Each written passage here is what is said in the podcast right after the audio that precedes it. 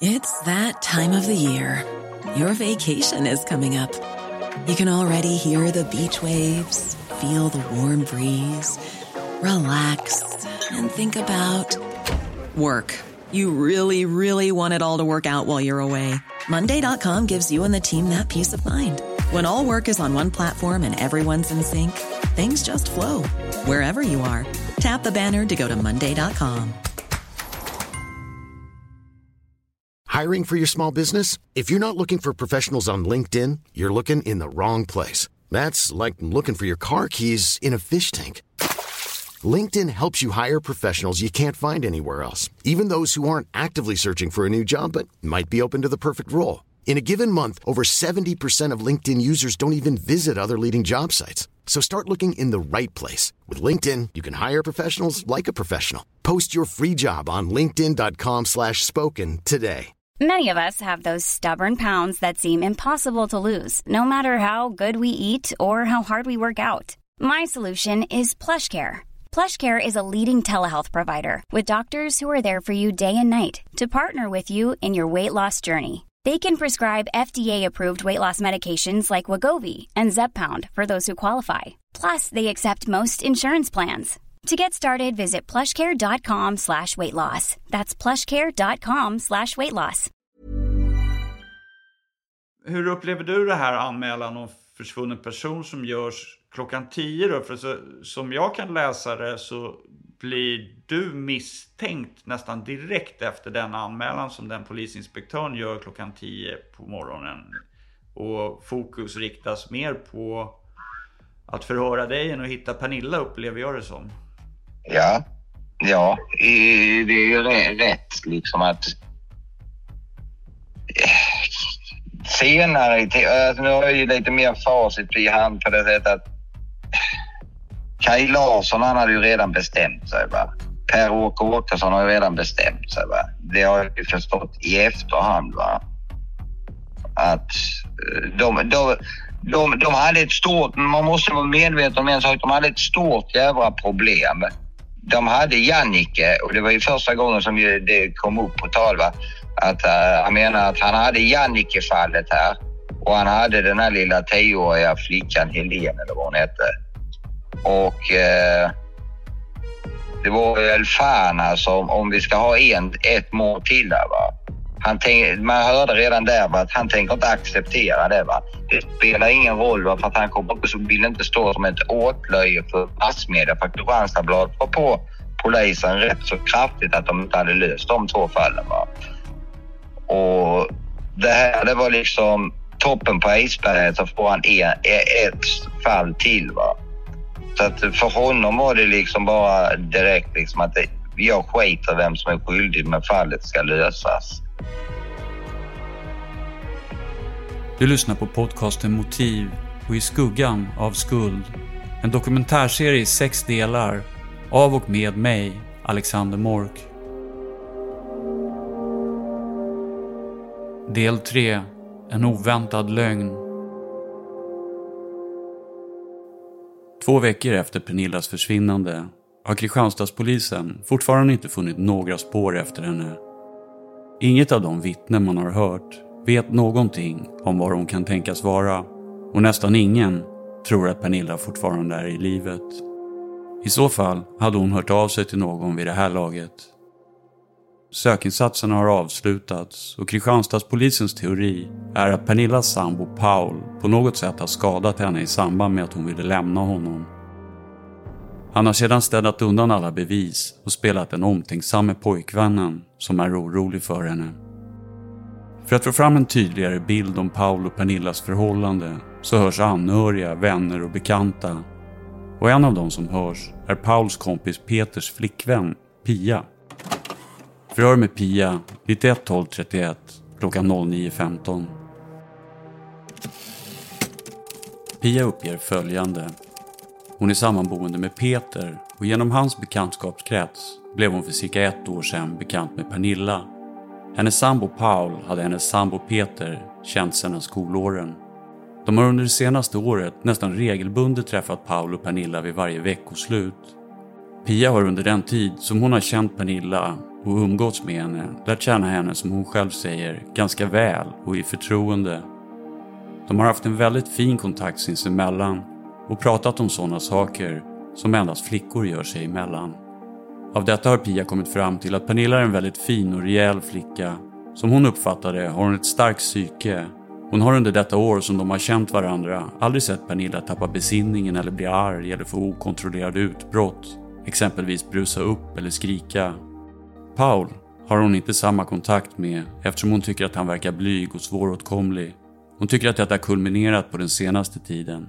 Med detta menar hon sedan i slutet av sommaren. I övrigt tycker hon att Paul verkar vara lite efterhängsen efter Pernilla och springer efter. Hon säger att hon inte skulle stå ut med någon sådan som följer henne varje steg hon tar. Hon kan inte förstå att Pernilla gjorde det. Pia fick den uppfattningen av deras samtal att det var på väg att spricka dem emellan. Hon fick den uppfattningen att Paul tjuvlyssnade när de talade om det. Under ett besök i Bassköp i november berättade Pernilla för Pia att deras förhållande hade blivit sämre. Hon trodde att Paul gjorde allt för att få henne att stanna kvar i Bassköp. Hon sa att han hade gömt hennes p-piller för att hon skulle bli med barn och på så sätt tvingas stanna kvar. Pia frågade även då om hon var med barn och Pernilla berättade då att hon hade gått över med nio veckor. Sedan hade hon fått ett missfall. Hon hade då även vid flera tillfällen tagit Pia avskilt och pratat om att hon var mycket arg på Paul. Hon hade då tydligt talat om för henne att hon hade för avsikt att flytta därifrån. Paul höll emellertid henne liksom fången. På grund av detta hade hon tappat känslorna för honom. Hon hade även nämnt att Paul inte vid något tillfälle hjälpte till med sysslorna eller djuren. Hon fick sköta allt hemma på kvällarna och vara på sin arbetsplats på dagen. Lördagen den 14 december i år besökte Pia och Peter Pernilla och Paul i deras hus i Bassköp. Det är sista gången som Pia sett eller samtalat med Pernilla sedan hennes försvinnande. Vid detta besök tyckte Pia att deras förhållande ytterligare hade försämrats. Pernilla kallade ut Pia i köket och talade om att hon nu definitivt ville flytta därifrån. Hon nämnde då att hon mer eller mindre hade bestämt sig för att hon skulle flytta hem till sina föräldrar. Hon berättade även att hon hade försökt förklara för Paul att de skulle skiljas åt. Han hade då uppträtt på ett sådant sätt som att han inte ville förstå detta eller höra talas om det. Han hade istället köpt presenter och blommor för att försöka göra det bra igen. Pia vill också säga att hon aldrig hört Pernilla säga eller berätta för henne att Paul vid något tillfälle slagit eller på något annat sätt burit hand på henne. Eftersom att Pia är en av Pernillas närmaste förtrogna i hennes umgängeskrets och därför att hon känner henne så väl tycker hon att det är helt olikt och oförklarligt att Pernilla har försvunnit. Hon menar att Pernilla ovillkorligen skulle ha hört av sig till sina föräldrar eller till henne. Pernilla var mycket fäst vid sina föräldrar, liksom hennes lilla syster och hennes äldre bror Jonas. Dessa pratade hon ofta om. Pias bestämda uppfattning är att Pernilla inte håller sig undan eller gömd. Pia vill inte spekulera om hur Pernillas försvinnande kan ha gått till. Hon nämner dock att Paul verkar känslokall. Hon kan inte utveckla det mer. Och då tänkte jag bara fråga vad du kunde berätta för mig om Peter och Pia. Peter och Pia. Ja, men, ja du menar mina, mina komp, min kompis. Hos oss en, en gång var de där ute. Jag tog, jag snackade skit om vi säger så. Tog en kaffe och snackade skit. Pia säger att de träffade dig och Pernilla varje månadsslut. Nej, det är skitsnack. Han hade precis fått körkort så han var 18 vid detta tillfället ja. Ja. Och Pia hon var, ja det vet jag faktiskt inte men det var yngre än antingen från 17 och så neråt. Ja. Och de var inte och träffade er vid varje månadsslut liksom? Nej, jag träffade Pia en gång. Ja. Och Pernilla Hur många nej. gånger har hon träffat Pia? En gång. Ja, hon, hon säger liksom att de är typ bästa vänner. Med den här Pia menar du? Ja. Ja, nej. Det, de har träffats en gång för det var så här, han var lite play och han hade en brud och sen så, ja, helt plötsligt tog det slut bara. Nej, nu gör jag slut med henne. Det var månadsvis som han hade eh, tjejer va. Så att han hade precis Peter träffat. alltså? Ja, Peter alltså. Mm. Så jag, han har träffat hon här mm, Pia. Och därav sa jag, men fan kom ut till oss nu när du har fått körkort, det ena med det tredje ja, jag kan köra ut. Så jag träffade, möjligtvis att jag träffat henne någon gång eftersom Peter han bodde hemma hos sina föräldrar. Va? Möjligtvis att jag har sett henne och, och ja, jag snackade inte med henne va? När, när jag var och, eh, och hemma hos Peter då. Han höll på med bilar lite och sånt skit. Va? Rent psykologiskt börjar det kanske infinna sig en känsla av att polisen har några bevis mot Paul. Något som de kanske inte berättar. Vad ska vittnen annars tro när alla frågor i förhören kretsar runt Paul? Gamla vardagshändelser och betraktelser blir plötsligt viktiga. Kan något där förklara varför sambon Paul är misstänkt? Allt eftersom smyger sig misstankar på även hos de vittnen som till en början trodde att Paul var oskyldig. I takt med att hoppet om att finna Pernilla vid liv avtar så börjar omgivningen att söka efter minnen som passar in på en aggressiv och obehaglig Paul. Någon som är kapabel att mörda. Jag gjorde ju om Ulf Olsson. Han blir misstänkt 15 år efter att eh, brotten har begåtts. Då dyker liksom en kriminalinspektör upp på hans före detta arbetsplats och säger Jaha, kommer ni ihåg någonting om eh, den här Ulf Olsson sådär? Vi, vi utreder mordet på Helen. Ja. Vad fan, om folk tror att han är inblandad i mordet på Helen, vad, vad, vad svarar man om personen liksom? Du, du är ju så bias i, i vad du ska svara. Och jag tänker så här, hur upplevde du det själv? För att liksom först så anmäler du en försvunnen person men sen så successivt så blir du misstänkt. Ja. Det som händer är att folk i din omgivning börjar ändra uppfattning om dig för att de också tror att du är misstänkt eftersom polisen eh, har ja. sån stor anledning att misstänka dig. Så att när de förhör vittnena så liksom förstärker de vissa beteenden hos dig som de tror är relaterade till Pernillas försvinnande, upplever jag. Ja. Så är det ju. Jag har ju fått... Jag, jag är ju... Alltså om du snackar då och du snackar nu, alltså, för, förföljer du mig hela tiden. Det är klart att det förstärks. Många saker förstärktes redan där. Liksom. Att, vi tar den här till exempel, hennes brors flickvän. Hon träffade vi knappt aldrig. De, de blev misstänksamma eh, man snackar skit, man är, man är mördaren. Det är ju liksom det polisen har gjort, det är ju egentligen att hjärntvätta. Man hjärntvättar folk. Och ju fler du kan hjärntvätta, desto bättre.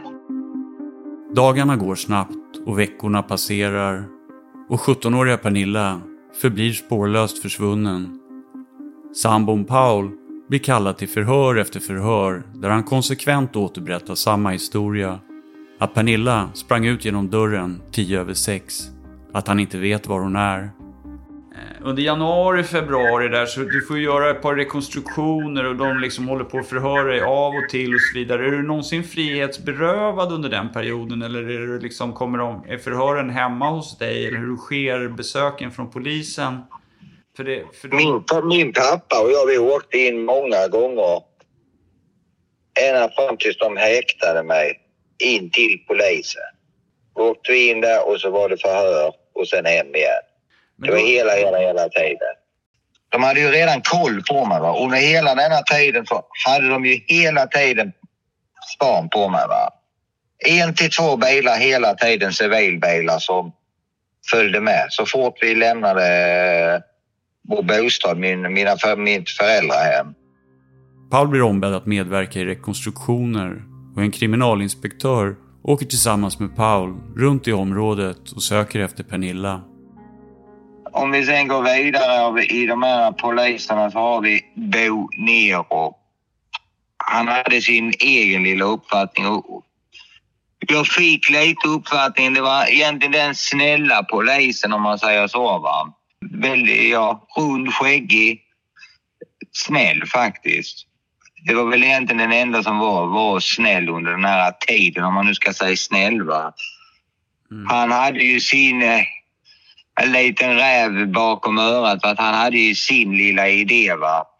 Gick ju väl emot utredningen vad jag har förstått lite grann. Va? Och då blev han ju mer eller mindre bäckplockad. Mm. De plockade väck han mer och mer, längre och längre ut i perspektiv. Men han fick ju uppgiften innan man häktade mig då efter de här tre månaderna så körde han omkring med mig va? Och, och försökte prata. Va? Men han fick ju liksom samma version som sanningen fick han ju. Att jag har inte med det att göra, jag vet inte var hon finns. Mm. Han bjöd på mat och, och var allmänt snäll. Spanings-PM beträffande Pernilla. 920225 klockan 09.30 inställde sig Paul Wollmer på poliskontoret i Kristianstad enligt överenskommelse. Vi körde därefter upp till bostaden i Bassköp. Paul frågade om eftersökning av Pernilla hade gjorts på vinden i Vankiva, där gamla möbler förvarades. Och även om man undersökt Olsgård i Fjälkinge, där Pernilla hade sina hästar, eller hos släktingar i Hörby. I övrigt verkar Paul Wollmer lugn och sansad och medverkar aktivt i sökningarna. Undertecknat kriminalinspektör Bo Nero. Nej, men jag tänkte när, när du åkte runt med, med Bo Nero då, och, och sådär på olika platser. Jag, jag har läst i förhören att du beskriver massa ställen där de skulle kunna tänkas vara. Men när man pratar ja. om var, var, hon kan tänkas vara, då är det liksom en död Pernilla? Eller tror de att, hon, att, att du håller henne till fånga men inte vill säga var? Eller liksom, de skuggar ju dig. Vad, vad är det de vill veta? När jag tänker tillbaka på det, var, i början så eh, var det nog snarare det där liksom, vad förvarar du henne? Men, men alltså under den här tiden som egentligen förflöt, liksom att det har gått en vecka till innan vi åkte, va? Då, då gick det nog mer ut liksom på att var, var förvarar du henne och nu är hon död. Va? Inte för att de sa det. Va? Han sa liksom sådana intelligent ledande saker. Mm. Och försvunnen så här pass länge så är det väldigt liten chans att man hittar henne vid liv. Utan liksom att egentligen peka på att eh, det är du som har gjort det. Men sen liksom fem minuter senare så kan han säga uh, var tror du att hon kan vara eller var, har du, var, var ligger hon? Var, var, vilket håll ska vi köra? Mm. Eh, egentligen vanligt eh, samtal men samtidigt så har jag ju förstått i efterhand att han samlade in information. Va? Och det, det var allt ifrån om jag var dominerande när vi hade sexliv, eh, om jag var dominerande utanför sängen, är jag kontrollerande, hur beter du dig? Och Pernilla säger så här, han körde med mig under de här tre månaderna som hon ändå var försvunnen. Va? Han körde mig dagligen över hela jävla Skåne i princip. Va? Eh, och pratade med mig liksom och, och undrade liksom olika saker. Det, det var allt möjligt. Han var ju både den, egentligen som jag ser det, han var den snälla personen. Samtidigt eh, vet jag att han var ju lite springpojke och försöka samla in till Per-Åke Åkesson så att han skulle göra sig någon merit eller lösa eh, fallet.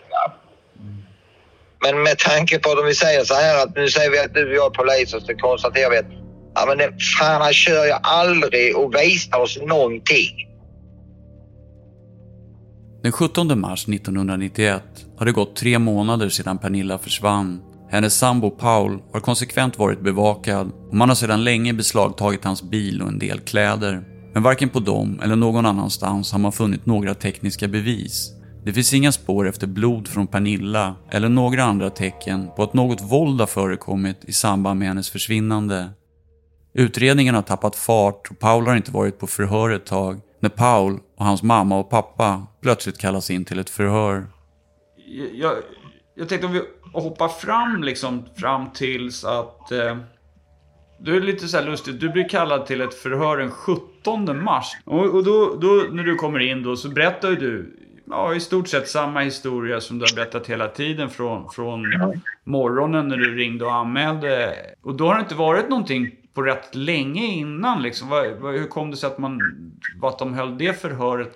Jag tror det var så här att de försökte finslipa sina grejer. Va? Och så måste man tänka sig in i polisens situation där nere. Man har redan två mål som är olösta. Fan, vi kommer att köra fast. Detta kommer att bli det tredje fallet här nere. hur fan gör vi nu? Ja, och då har man samlat ihop antagligen ett gäng där inne och så har man gått igenom papper och så tänker man att nu, nu tar vi och plockar in han igen.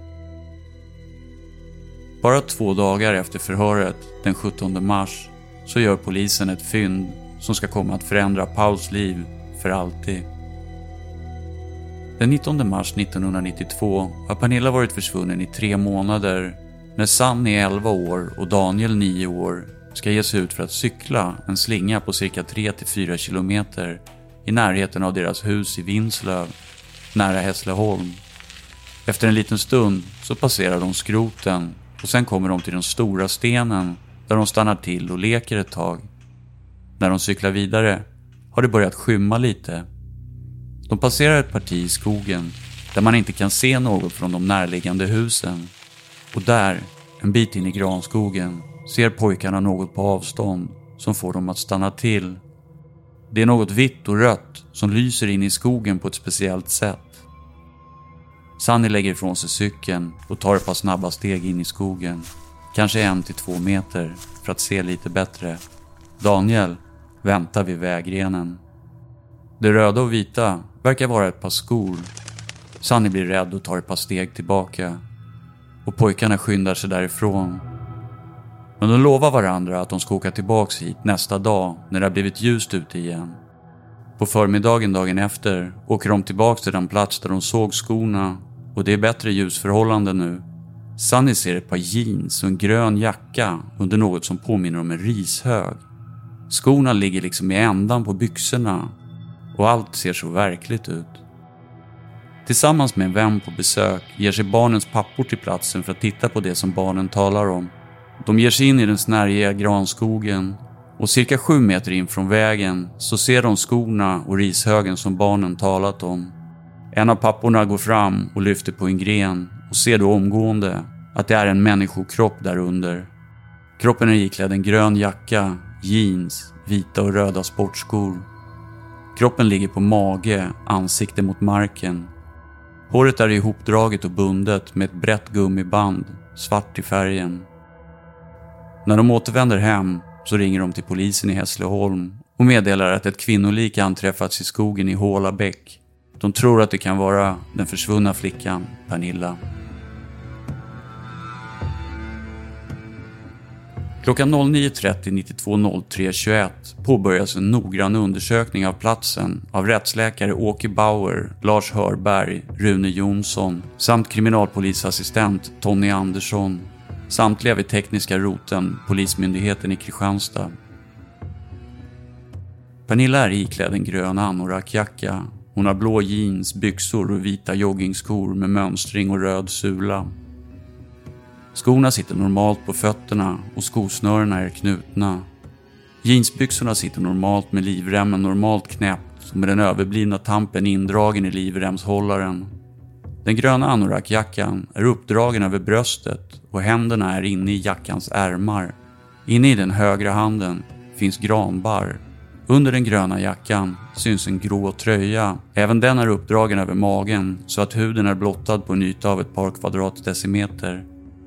På ansiktets högra halva syns blodliknande besudling, delvis intorkad. Även på den gröna jackan syns en brunröd blodliknande besudling. Men huvudsakligen på dess vänstra arm, under halsen, i högra kinden och sammanhängande på höger sida av halsen finns ett gapande sår.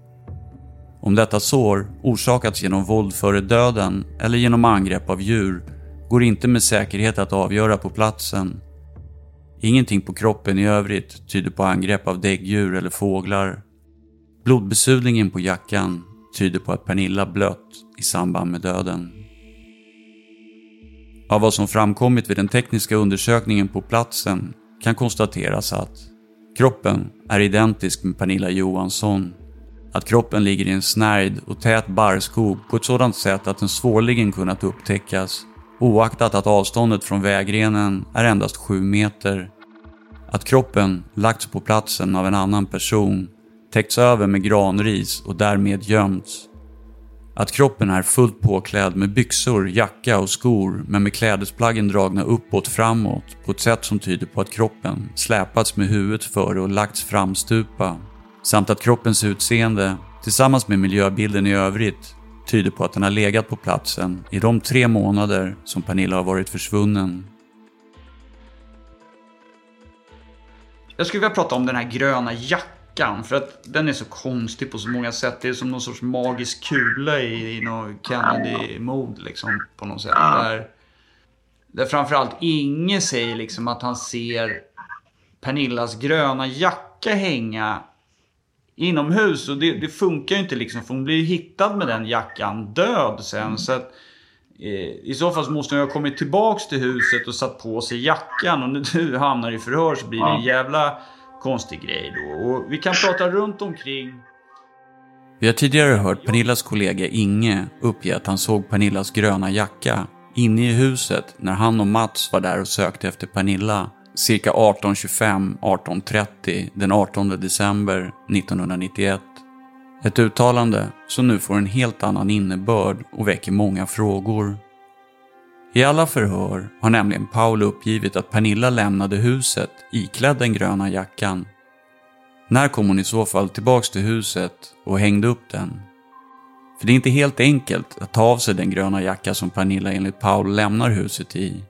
Man måste trä den över huvudet för att få på sig den. Och när polisen tre månader senare finner Pernillas kropp noterar rättsläkare Åke Bauer att mördaren inte har lyckats få på Pernilla den gröna anorakjackan helt och hållet.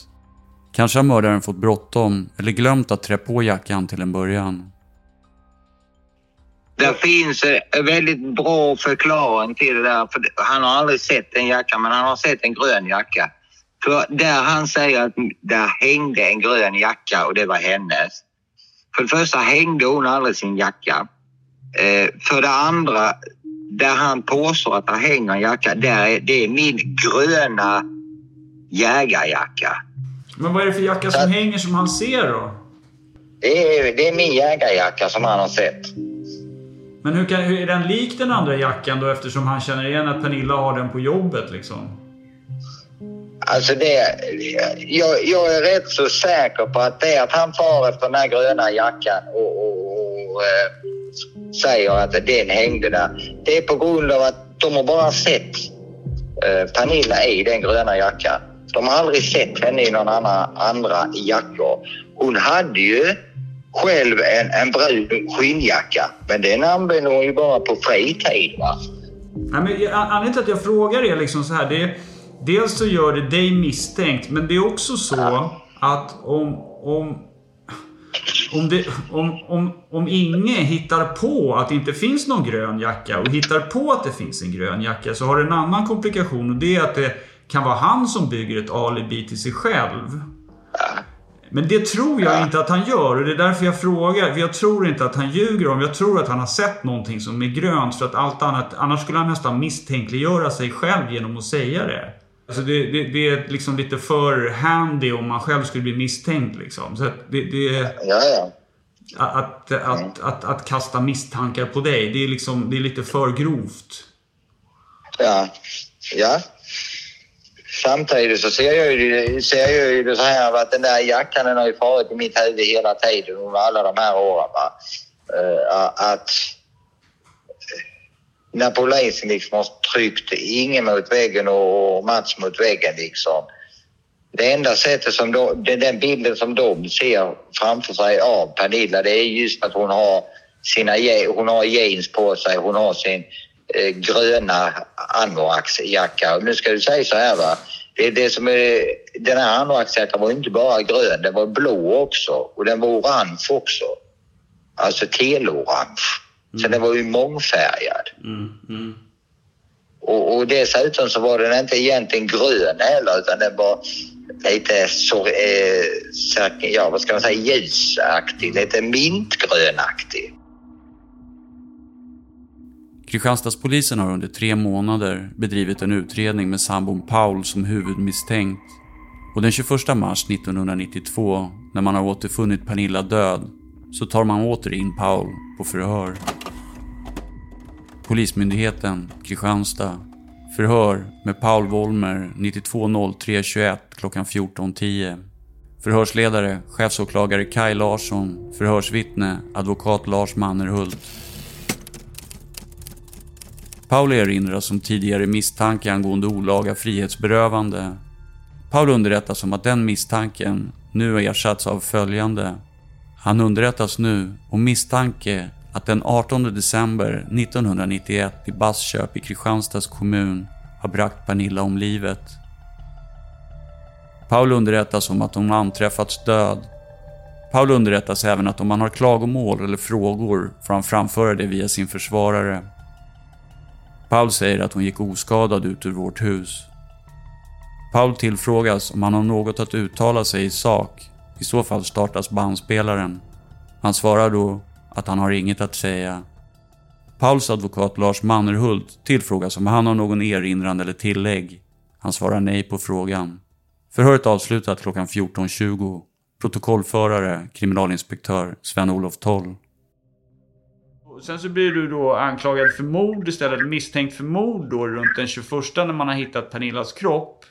Ja, Då, under det förhöret så säger du att du vill ha din advokat närvarande och att eh, du inte har någonting mer att tillföra egentligen mer än det du berättade för fyra dagar sedan den 17 mars. ja, Och sen ett drygt dygn senare så erkänner du mordet på Pernilla. ja. Vad är det som händer där inne i... Man ska säga så här att innan man körde in mig till häktet när man hade hittat henne. Då körde man mig i bil ut till flygplatsen. Och jag satt i mitten i baksätet. Och eh, ja, där låg en kropp där inne. Jag säger redan i, jag säger och hävdar det fortfarande att det var Pernillas kropp. Polisen säger att det var en docka de har lagt ut. Det var det inte. Det var Pernillas kropp som låg där. Va? Så jag kommer ihåg att jag ville ut ur bilen. Jag vill bara fram till henne. Var de säger nej, nej, nej, nej, du ska inte någonstans. Och sen så, eh, när vi har stått där ett tag så, nå, ja, då matar man ju redan med titta nu vad du liksom, eh, tycker du det är fint det du har gjort liksom? Ja. Medan eh, för mig snurrade bara huvudet, jag måste ut henne. Ungefär som om du tänker dig bara ren panik. Jag ville bara ut henne.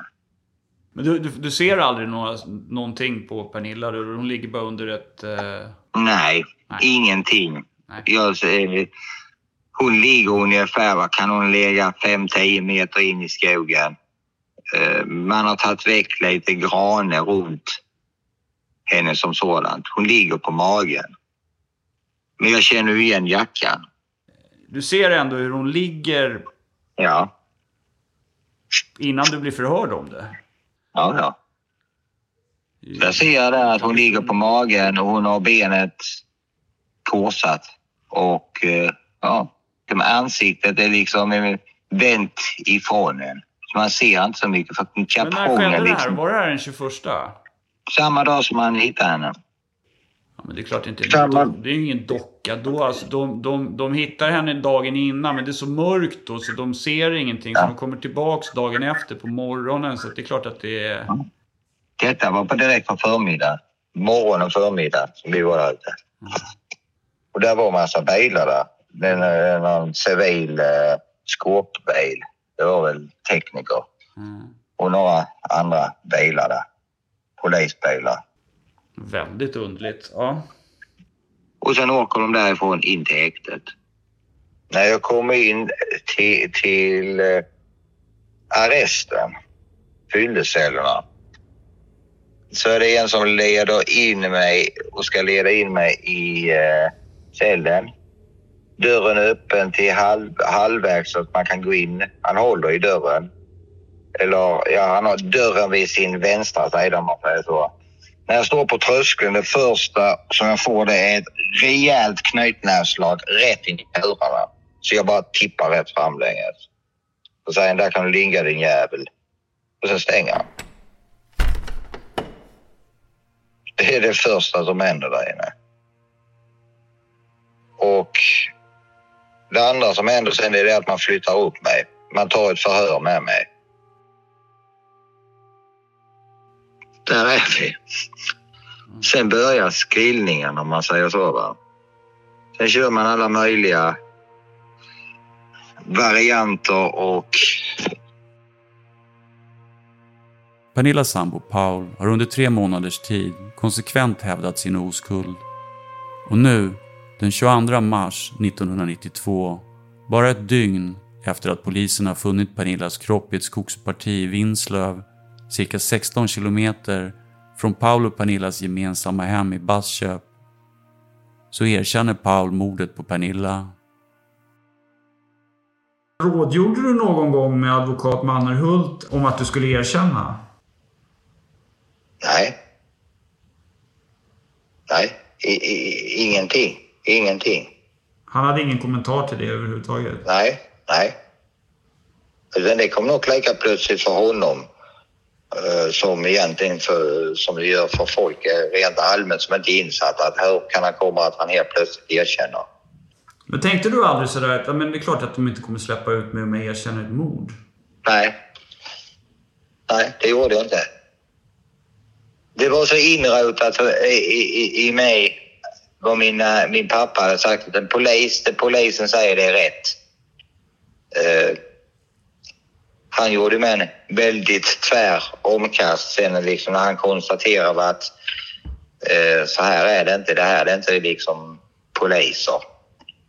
Men han trodde ju likadant när jag var under de här tre månaderna liksom att och han sa ju liksom det till mig att har du gjort någonting, jag sa han flera gånger mamma, men har du gjort någonting Paul, så, så, eller vet någonting om Pernilla, så berätta det.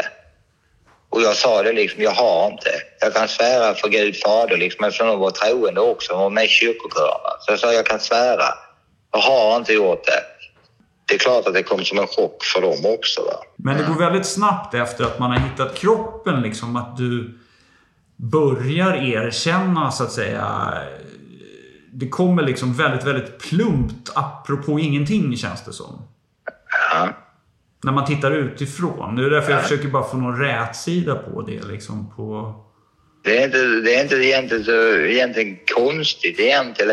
För att dels så kan du tänka dig denna äh, ångesten, smärtan när man har, man har... Jag har fakta lika väl som alla andra har fakta, men nu är hon död. Jag har sett henne.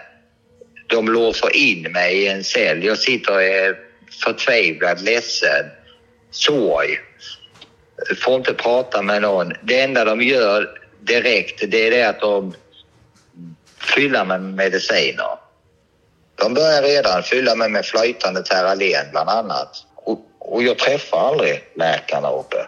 Utan det är bara det, ja, ge han det, ge han det. Säger ingenting liksom hur länge jag ska sitta där, ingenting. Varje gång de tog ner mig så kändes det som jag gick i en stor eh, badboll. Jag gick och trampade luft liksom. Och då säger man liksom till mig så här att du slipper det där uppe om du börjar prata nu. Säg, säg så här, erkänner du liksom, du slipper det här. Om du inte erkänner så kommer du få vara kvar här. Du kommer få ett jättelångt fängelsestraff, men om du erkänner och, och alltså, följer oss, alltså är med, med och löser grejet, va? då får du fördelar. Hej, jag Ryan Reynolds. At Mint Mobile, we like to do the opposite of what Big Wireless does. They charge you a lot, we charge you a little. So naturally, when they announced they'd be raising their prices due to inflation, we decided to deflate our prices due to not hating you.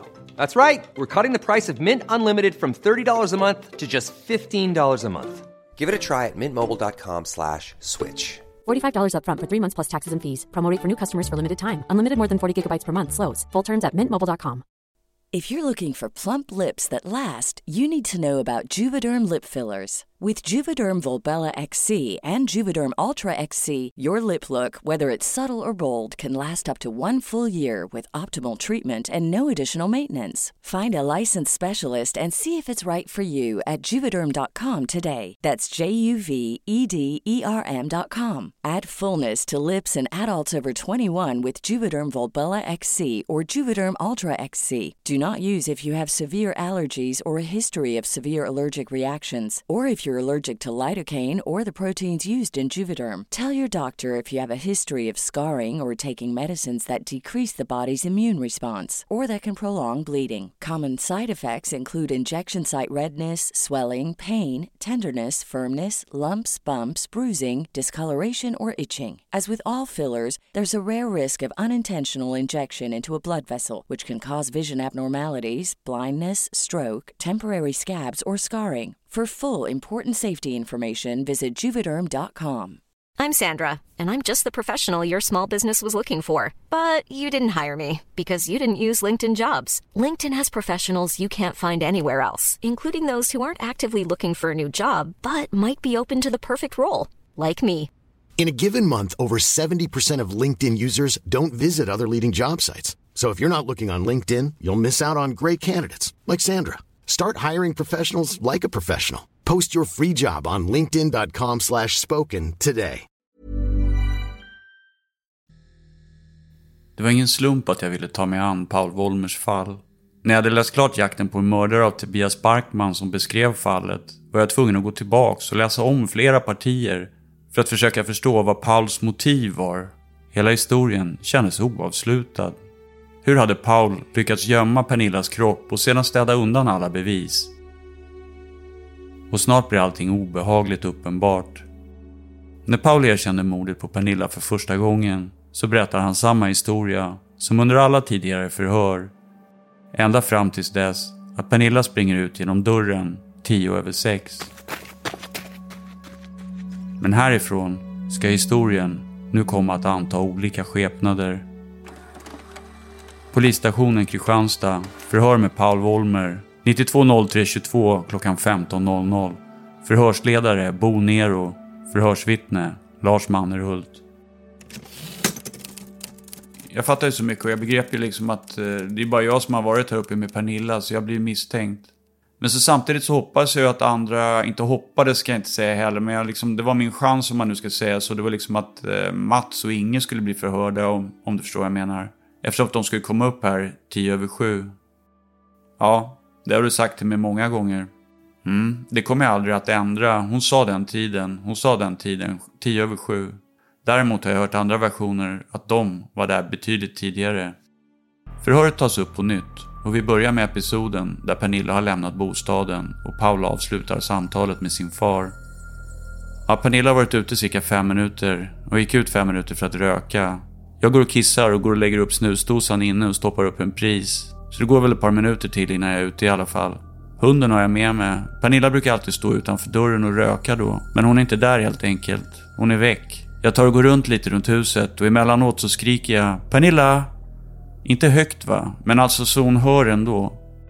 Så ser jag att hunden är uppe i komposten där uppe, bak på vår länga på vår tomt. Och jag kallar på honom liksom, han ska komma för jag ska ta in honom för då tänkte jag, jag får väl åka och titta var hon är någonstans. För jag hade inget koppel till honom då. Men han kommer inte, så jag går upp för att jag ska asa in honom då, för jag tänker han står väl där och rotar i komposten som han brukar. Och när jag kommer upp där så ser jag Pernilla. Hur ser du henne då? Hon hänger där. Var då? Det var en stock som jag hade bundit över ett par träd och hon hänger där liksom. Inte långt från stocken, utan hon har virat, jag vill inte säga hon heller, det vet jag inte alltså, men det är virat runt, runt ett flertal varv. Så alltså, där ser jag Pernilla och blir panikslagen och rädd och ledsen och hela alltet. Hur hade hon kommit upp där? Såg du det? Jag vet inte, men jag tror, det är alltså som jag tror detta nu, att det var en träbock som stod där. Den låg ner då. Jag tror... Jag tror... Jag vågar inte, för det vet jag inte, men jag förmodar att det måste vara den. I vilket fall, men jag lyfter henne i benen upp och så först innan jag tar bocken till hjälp och så säger jag till henne att hon ska hjälpa till då och visa något livstecken eller någonting sånt där. Säger massa grejer. Jag kommer inte ihåg ordagrant. Jag vet att jag bland annat säger för helvete älskling. Sen tar jag i alla fall bocken, ställer den bredvid så jag kommer upp i samma höjd då, eller ja, högre upp. Det blir samma höjd, jag konkar liksom upp henne så att jag låter honom hänga på mig och så krånglar jag där med den här öglan. Långt om länge får jag väck det och får ner henne. Ja, och så som jag sa innan så asar jag in henne och försöker göra första hjälpen och det där. Från den stunden jag såg där så ändrade det hela mitt liv. Du tänkte aldrig på att skära ner henne så att du skulle skära av repet? Jo, det gjorde jag, men så var kniven där inne och jag vill inte lämna henne. Jag vill inte lämna henne om du förstår vad jag menar. Jag vill ha med mig henne in. Annars hade det kanske varit lättast att bara in och hämtat en kniv. Du har en sån där överlevnadskniv? Nej, det har jag inte. Jag har en liten jaktkniv. Jag har ingen överlevnadskniv. Det hade varit lättaste, men det var liksom... Jaktkniven, vad är den? Är den hemma i Fjällkinge? Nej, den har ni nog där inne. Den har han ju lagt in. Den har jag aldrig använt. Det var ju bara det att jag ville liksom ha ner henne och jag kunde inte lämna henne. Jag kunde inte lämna henne där och springa och hämta en kniv och något sånt. Det kanske hade gått lättare om jag hade gjort det bättre. Jag vet inte. Jag vet att jag kan säga så mycket att den Pernilla som tog cigaretter när jag snackade med min far i telefonen och gick ut. Det var inte den Pernilla jag fick in sen och försökte rädda livet på. Sen vet jag att du på morgonen därefter så tar du ner lakanen och tvättar dem. Blev de nersmutsade? Nej, det gör jag på grund av det som jag sagt hela tiden. Det gör jag på grund av att hon har sagt att jag ska göra rent. Det var inget blodflöde så de var... Nej, ing, ingen, ingenting alltså. Det enda, det enda alltså, det var alltså att hon var blåaktig i huvudet. Och det gör inget med kroppen sen, ute i skogen.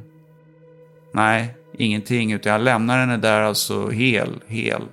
Inga skärsår eller sticksår eller någonting sånt. Under transporten, har hon bara kläderna på sig eller använder du en plastsäck eller så och har henne i? Nej, nej, hon levde för mig alltså om du förstår vad jag menar. Hon var inte värd att ligga, hon var inget lik för mig på det sättet. Utan hon fick sitta i bilen, likadant som när vi alltid har åkt. Jag ville liksom inte acceptera det här. Det var ju därför som jag körde en jävla massa rundor innan ju. Jag höll henne i handen. Det fattades ju ett påslakan. Använder du dig av det? Nej, ingenting, ingenting. Inga påslakan eller någonting, utan hon fick ha sina kläder på sig. Men du använder inte det i något sammanhang, eller har du kastat det? Nej. Vilket påslakan är det som fattas? Jag har bara ett där hemma som jag sover i. Jaha. Blev det någon oreda i bostaden av det här? Då du asar henne fram och tillbaks? Nej, ingen oreda alls. Det blev det inte. Nej, ingenting som välts ner eller slås sönder. Inte något sånt. Utan det är bara så liksom att det är precis som man går själv för egen maskin. Jag är hela tiden rädd om henne. Om du förstår vad jag menar. Förhöret avslutas klockan 16.15. Jag var inte heller i mina fulla sinnesbruk om man säger så, psykiskt sett. Va? Eh, även fysiskt för den delen. Va? Jag åt inte knappt, jag drack knappt inte. Jag sov ingenting. Men varför erkände Och du? Jag erkände enbart för att jag, jag kom i det ställningstagandet att, att polisen, jag hade hela tiden blivit tryckt av polisen liksom att erkänn nu så är snart detta över va? och du är snart ute igen och det blir inte så långt straff och du är ingenting som kommer att knäcka dig sen då tänkte jag så här liksom i mitt stilla sinne att jag kommer aldrig komma ifrån detta helvete. Och det kommer aldrig... Det här som jag har blivit uppfostrad med att man ska säga sanningen. Det är inte så. Pappa och mamma har haft fel. Man ska ljuga här för att få någon form av fördel för att komma därifrån. Just då ville jag bara ha liksom fördelar på det sättet att jag orkade inte sitta inlåst i Alltså du blir alltså psykiskt sjuk i huvudet. Va? Så att eh, vid detta tillfället, jag hade kunnat lika väl, hade de kommit in och sagt har du mördat Olof Palme? Men så hade jag sagt ja, självklart har jag gjort det. Och sen har jag eh, slagit mig till minne, hur är det Palme har blivit, ja då har jag hållit mig vid det. Han har blivit skjuten, skjuten, ja. När jag läste igenom förhören och studerade utredningen så var det inte direkt det erkännande som jag hade förväntat mig när det väl kom. Erkännandet förklarade egentligen ingenting om vad som hade hänt med Pernilla. Paul hade förvisso blivit visad till brottsplatsen innan han erkänner och han vet därför hur den ser ut. Och den delen av erkännandet lyckas han på sätt och vis beskriva. Men det finns en avgörande detalj som Kristianstadspolisen inte har berättat för Paul. Något som Paul bör veta om det är han som har mördat Pernilla. Och det var här någonstans som jag själv blev personligen övertygad om att Paul är helt oskyldig. Du har ju hållit emot under en längre tid och, och liksom klarat pressen. Och jag antar att det har varit lättare när du har fått prata med dina föräldrar och, och haft någon utanför. Nu är du ensam hos, hos de här människorna som är övertygade om att du är skyldig och vill att du ska erkänna. Mm. Hur går det till när du erkänner då? För att när jag läser förhörsprotokollen så verkar det som du inte vet hur Pernilla har blivit mördad. Nej, men det visste jag inte. Det visste jag inte överhuvudtaget. Så jag tänkte här liksom att de säger att jag dödat henne, hon ligger där ute, det var det jag visste. Uh, hur har hon kunnat uh, bli dödad? Och sen körde jag med att jag hade hittat henne i trädet hängande. Och varje gång jag hade sagt någonting egentligen, hängningen, det köpte de ju som sådant. Och sen när man hade kollat det, att nej, det är omöjligt. Statens rättsmedicinska institut i Lund konstaterar under obduktionen att på Pernillas huvuds högra sida samt axelhöjden ses en uppifrån framifrån snett nedåt bakåt fortlöpande cirka 25 cm lång och upp till 6 cm gapande skada som flerstädes har glatta kanter. Områdets övre främre begränsning är belägen cirka 9 cm till höger om medellinjen samt cirka 3,5 cm ovanför den högre yttre ögonvrån. Vid skadans kanter vidhänger ett flertal hudstrimlor. En dylik hudstrimla avgår cirka 1 cm nedanför det högra örat. Hudstrimlan utgörs av en T-formad bildning där överliggaren är cirka 10 cm lång och stapeln är cirka 4 cm lång. I sårets djup ses det blottade käkbenet.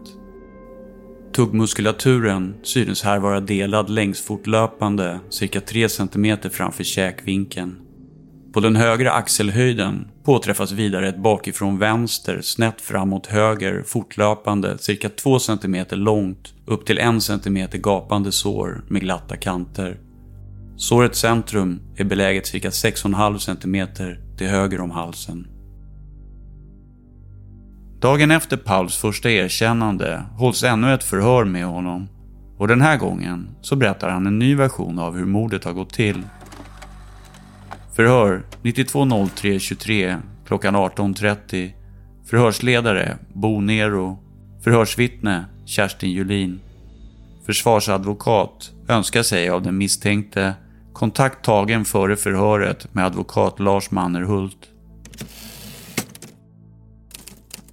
Vi har tidigare haft förhör den 22 mars där vi gick igenom hela händelseförloppet och största delen av detta har vitsordats av Paul.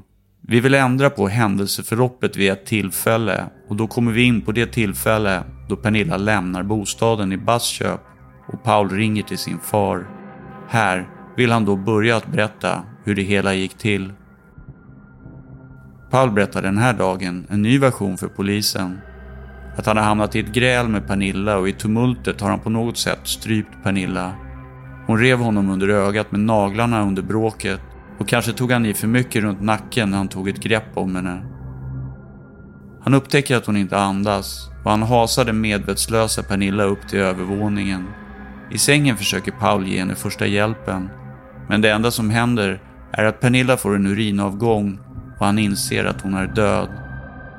Han förstår att ingen kommer att tro på hans berättelse han hasar Pernilla ner från övervåningen, ut genom huset, ner till bilen och placerar henne på golvet framför stolen i passagerarsätet. Han åker sedan på en vild resa för att finna någonstans att gömma Pernillas kropp. Han stannar och tankar på vägen med den döda Pernilla i bilen och är orolig för att bli sedd av någon.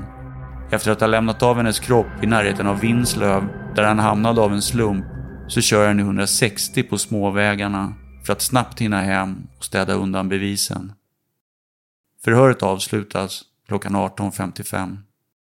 Hittade du på längs vägen eller satt du uppe på häktet och kom, så här, funderade ihop vad du skulle säga eller vad? Det hittade jag på, på när jag efterhand jag fick veta ifrån polisen.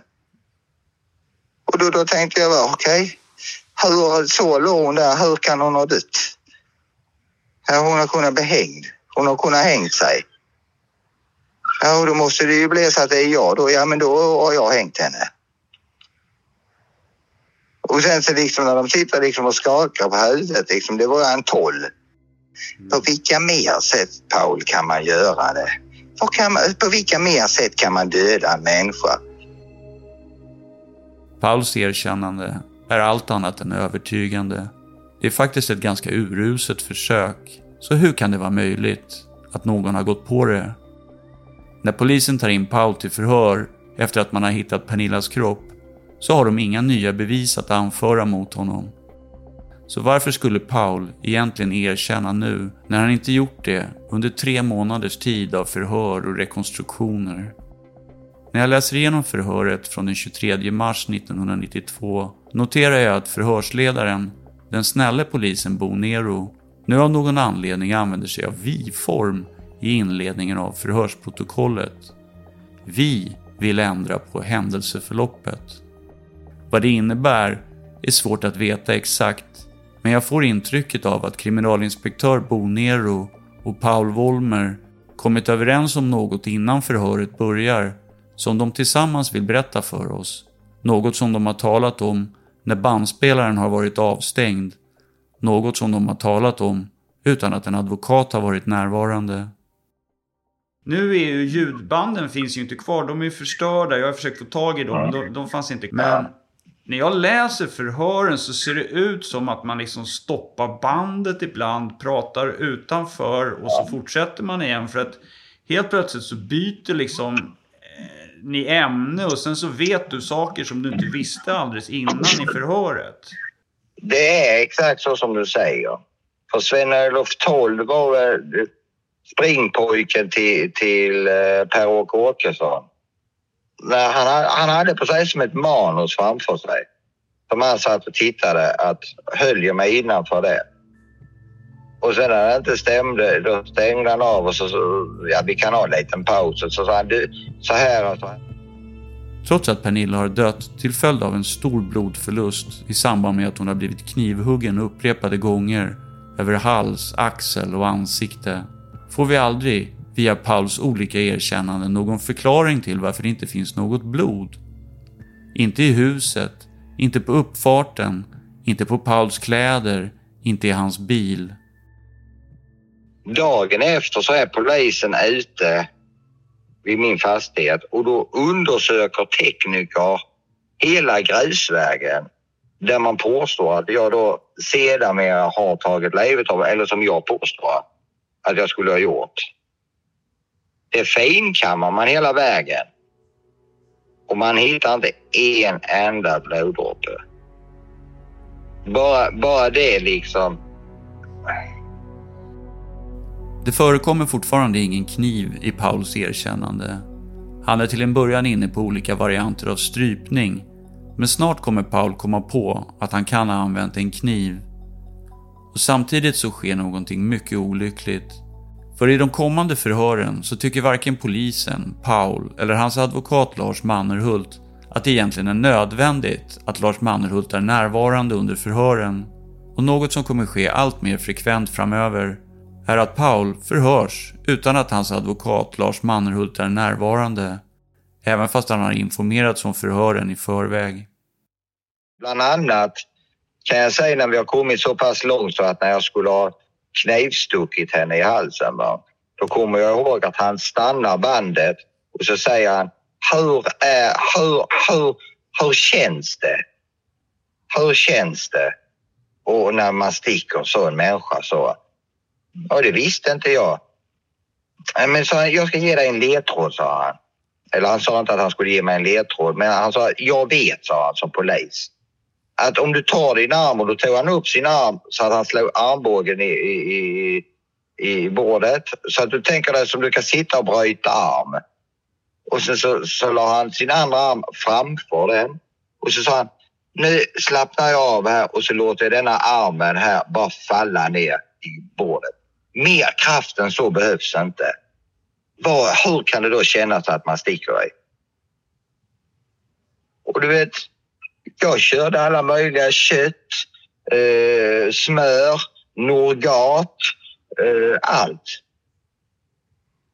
För att han satt hela tiden även när bandet gick som en eh, dirigent. Mm, mm, bra, bra liksom. Att då fattar man att nu, nu gillar eh, Toll mig. Nu är jag på rätt håll. Och var det någonting alltså det, som jag gjorde liksom, det var att pejla av. Och jag pejlade ju av hela tiden hans ansiktsuttryck och finger. Eh, ja, hela hans eh, utspel med, med sin kropp. Alltså att eh, det tecknet är nej, nej. Det där tecknet, ja, ja, du är på rätt väg. Börja fortsätta där va. Men det blir ju svårare och svårare och svårare. För sen kommer man ju givetvis till, ja, då ska vi veta vad kniven är. Och tänkte, jag, hur fan gör man nu? Var ska man säga kniven är? Ja. Och det, det bara, det bara liksom så flög att, äh, soptippen. Och så gick man ju där uppe liksom på häktet, blev det ena med det. tredje. tänkte, okej, okay, jag satt soptippen. Hade han kommit upp och sagt den är inte på soptippen var, då hade jag hittat på något annat. Men soptippen var ju uppenbarligen en sån eh, bra ställe va? så att det, det kan man ju inte överhuvudtaget leta efter ju. Det konstaterade jag ju. Ja, alltså det, för jag tror det, det här är liksom kärnan någonstans vi måste liksom nå ut med. Det är liksom för att jag tror att alla som lyssnar har så svårt att förstå hur man ändå kan erkänna någonting som man inte har gjort. Eh, utan att liksom få veta, vad, vad, låg det någon belöning i att göra som de gjorde? Vad, blev du lovad någonting eller? Ja, jag blev lovad liksom, Det är en sak att bli lurad att prata på det där sättet som du säger och det tror jag säkert kan hända fram och tillbaka. Men i slutändan så måste ju du vilja erkänna. Jag ville inte erkänna men alltså jag, jag blev lovad både det ena och det andra. Va? Liksom att jag skulle komma ifrån häktet. Jag skulle eh, få komma med, och vara med andra människor andra interner. Det var det ju givetvis vad de menade. Va? Eh, jag kommer inte få så långt straff. Eh, det här det blir bara ett par år. Eh, erkänner man det inte så blir det så här många år. Och det jag trodde. Jag trodde stenhårt på det. Men hur kommer det sig att, att, att du liksom, jag menar... Ja, det, det kan ju vara svårt att förstå vad ens advokat liksom har för syfte om de aldrig säger eller gör någonting under förhören. Men hur kommer det sig ändå att du liksom går med på att prata med dem utan advokat? Det, det, var det. Många gånger så var det så här liksom att de, de sa liksom att vi, vi ska bara komplettera. Liksom. Det är ingen för, uh, ja, det är ingen fara liksom. Du kan prata nu ändå. Va? Vi gör ingenting med detta ändå utan eh, Mannerhult kommer väl liksom att informera innan och sådana här saker. Men sen, sen, det var på det sättet va, att vid detta tidpunkten så hade jag den uppfattningen att polisen gör, de gör, sitt, eh, de gör rätt. Man kan lita på poliser. Eh, mycket efteråt har jag förstått liksom att poliser gör inte så. De jobbar för sig själva. De jobbar inte för den tilltalade, den misstänkte. Ibland så ringde till Mannerhult och, och sa liksom att de skulle ha förhör.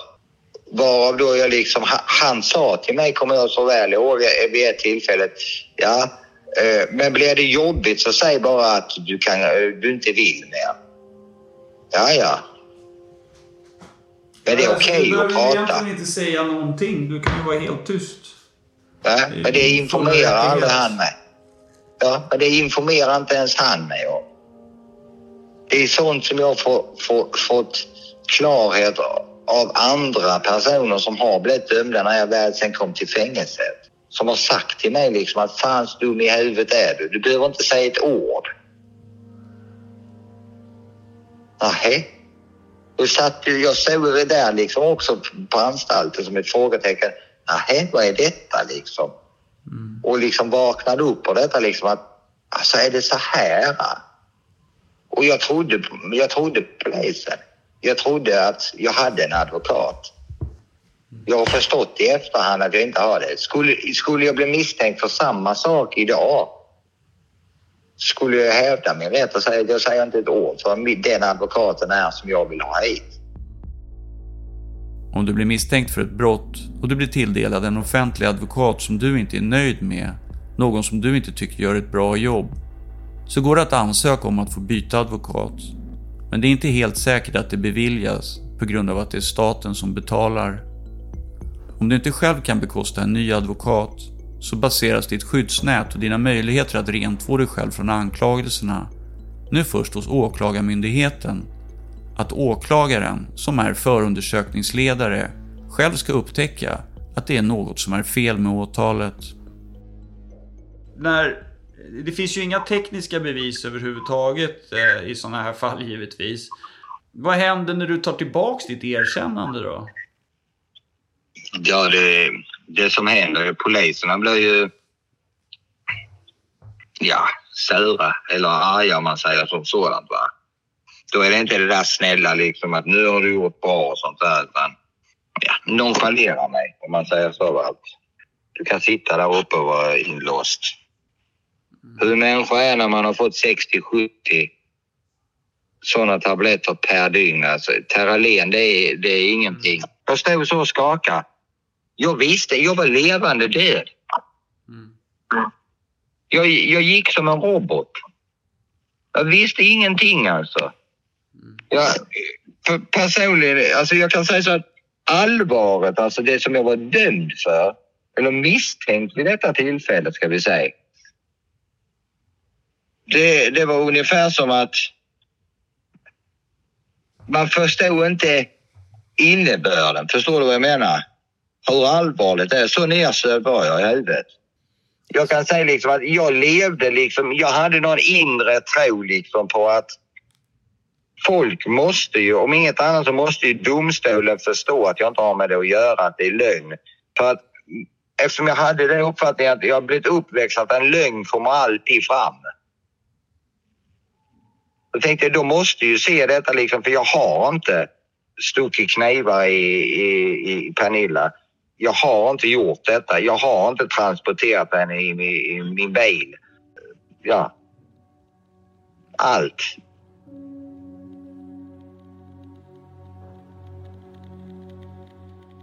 Det finns ett par gemensamma nämnare med de mordfall som jag har studerat de senaste två åren.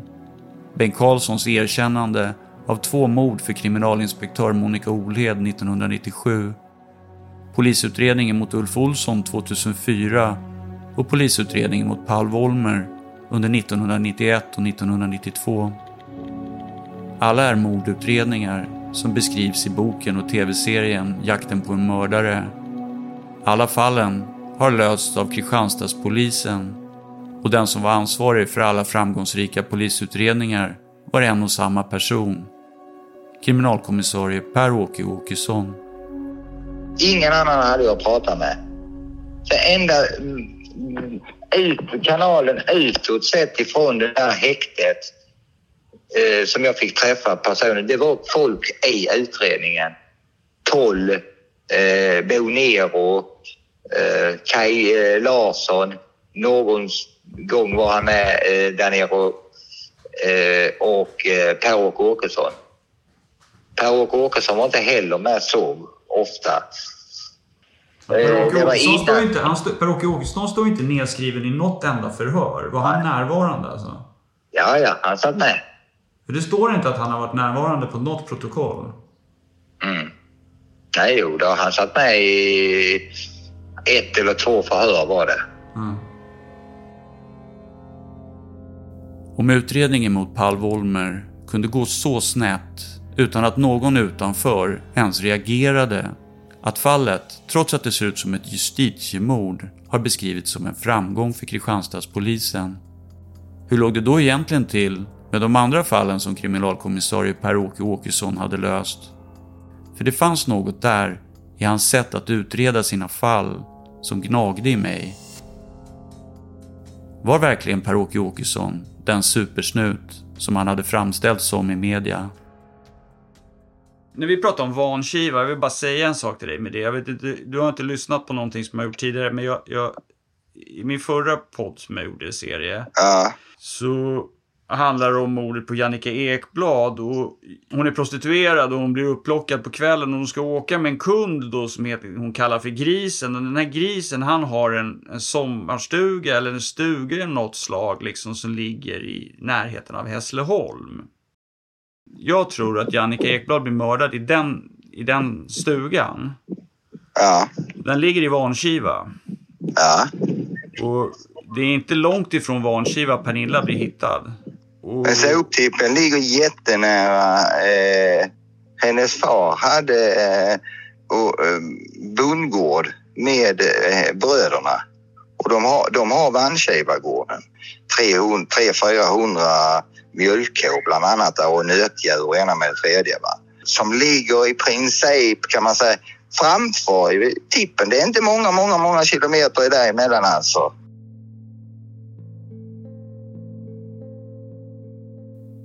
Pernilla återfinns mördad i ett område i sydöstra Sverige som under 1980 och 90-tal drabbats av flera bestialiska och oförklarliga mord.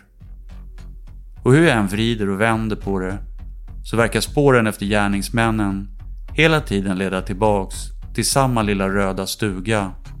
En stuga som ska ha legat helt öde i skogen någonstans i Vankiva i närheten av Hässleholm. Monica sa en stuga utanför Hässleholm, sa hon. Men han, eh, den andra Kristianstad, eh, kommer inte ihåg hans namn. Tommy var nu. Andersson, Ja, kriminaltekniker. Mm. To- Tony, var det det? Tony?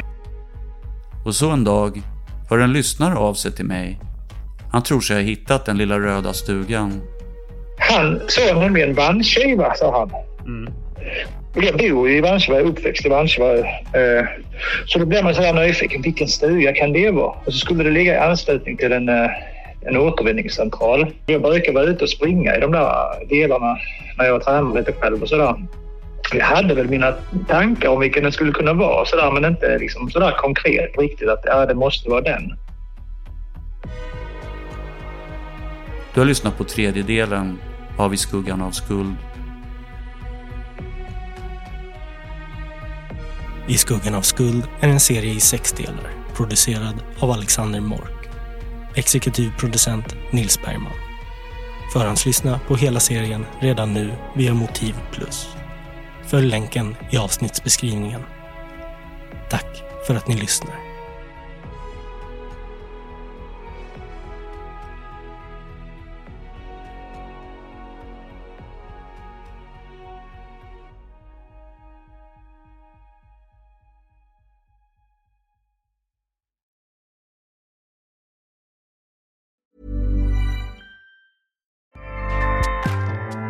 ACAST powers the world's best podcasts. Here's a show that we recommend.